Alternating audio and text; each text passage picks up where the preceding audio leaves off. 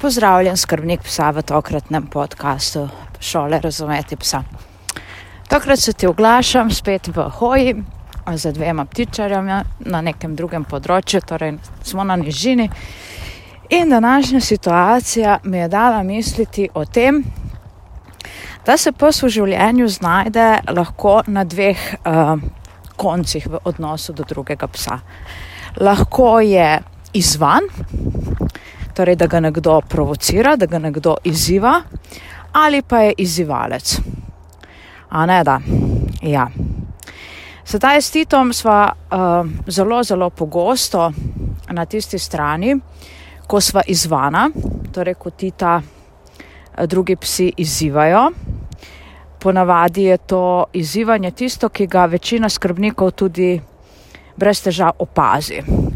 To je lajanje, zaganjanje, torej, ko je pes vokalen na takšen ali drugačen način.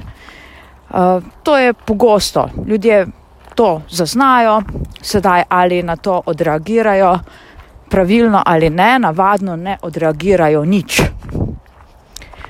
Zelo sramotno, vendar ljudje ne samo, da napačno reagirajo, se morda je bolje, da ne reagirajo nič, kot da napačno reagirajo, vendar ne odreagirajo. Tudi ne odreagirajo tako verjetno, da bi se zamislili, da to nekaj ni v redu in da bi začeli na tem vedenju nekaj delati. Ne. Ker ko en pes na tak način, ki vključuje lajanje, zaganjanje na povodcu, ne, takšnemu psu rečemo, da je reaktiven. Uh, to počenja lahko iz različnih razlogov, odvisno od vsakega posameznega psa, to je potem treba individualno uh, obravnavati v okviru preobrazbe veden. Vendar, ker ta podcast temu ni namenjen, želim samo povedati, da je potrebno nekaj storiti, zato ker pes v tistem trenutku, takšen močno izražajoč pes, v tistem trenutku stopi v stanje, ko so čustva prevreta. Uh, rečejo temu rdeča cona. Ne? Čustva so prevreta, glava je prevreta, nevronske povezave m, mm, kar pokajo po šivih. In je treba psu pomagati, ker se on ne počuti dobro. Ne? Če že ne zaradi drugega, mu je treba pomagati, zato ker ne, imamo radi svoje pse, pa jim je treba pomagati. Ni to vedenje, ki bi ga kar pod preprogo pometu ali pa lahko kdaj pes naleti na situacijo, ko drug pes na drugi strani, tisti, ki ga tvoj pes izziva, ne bo tako tolerantna. Ne, In potem imaš težavo, če se to zgodi. Ampak da je va, to pusti za nekoč drugič. Zakaj je danes tale uh, najm pogovor? Zaradi tega, ker imam situacijo, kjer pa je bila moja psička Efi izzivalka drugega psa. Torej, imaš tudi takšno subtilno izzivanje, ki pa ga večina uh, skrbnikov sploh ne opazi. Subtilno izzivanje je tisto, ki se dogaja na nebesedni ravni. Torej, ki ga pes kaže zgolj tako, da uh, ga kaže s telesom, ga kaže preko pogleda, ga na takšen način pač izraža. Ne? In večina skrbnikov tega sploh ne opazi.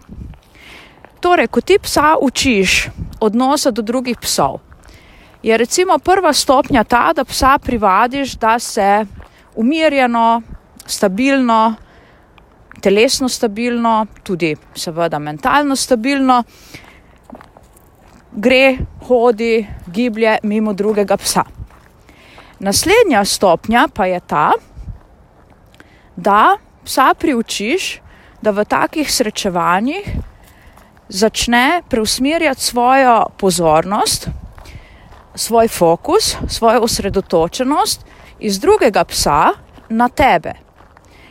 Ravno zaradi te subtilne komunikacije s pogledom.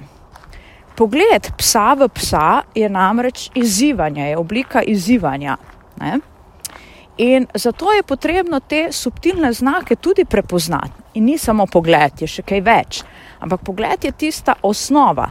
potem je pa še seveda telesna drža in podobno. In kje smo se danes z Efi ujeli? Sva na sprehodu v naravnem okolju, tako da je ona prosta, torej ni na povodcu, zato ker ima zelo lepo naučeno vračanje, spontano vračanje in tako naprej. In pred nama, pred nami se je tudi zraven, sem je on v preventivi, pred nami se pač sprehaja, hodi gospa z um, belgijskim učarjem. In še preden sem jaz uh, to gospo opazila, je meni Efi dala signal, ker se je vrnila in sem točno vedela, da se je vrnila zaradi tega, ker je nekaj v okolju zaznala. Ona je to naučena, odlično, fajn, super, vrhunsko, res zanesljiva, kar se tega tiče. Potem pa, ker imam dva psa, nisem želela mimo te gospe, čeprav si je ona želela, da jaz grem mimo nje, sem, sem rekla, da ne bom riskirala, ker že njen samec, pa moj samec, ne, to zna biti um, neprijetna situacija, ne, sploh ker imam jaz dva psa, se tega ne grem. Torej je morala iti pred mano, ne, mislim, pač tako je. In Efi je bila um, pri meni, potem pa, ko se je gospa oddaljila, jaz sem malo počakala, da je bila razdalja večja. Vendar, ko smo mi začeli hoditi, ptičari so urni, ne? ptičari so pač urne žvali. In je ona, pač, ko je tekla, je prišla na določeno razdaljo do tega psa, in je potem se obrnila in pritekla nazaj. In seveda je ta uh, malinvato zaznaval, in je imela gospa spredaj težavo.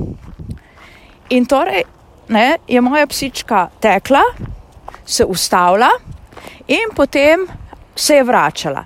In je dejansko na ta način subtilno postala izzivalka. Sem to dovolila, da se dogaja? Ne, nisem. Kaj narediš, ko opaziš, da ima drug kuža s tem težave?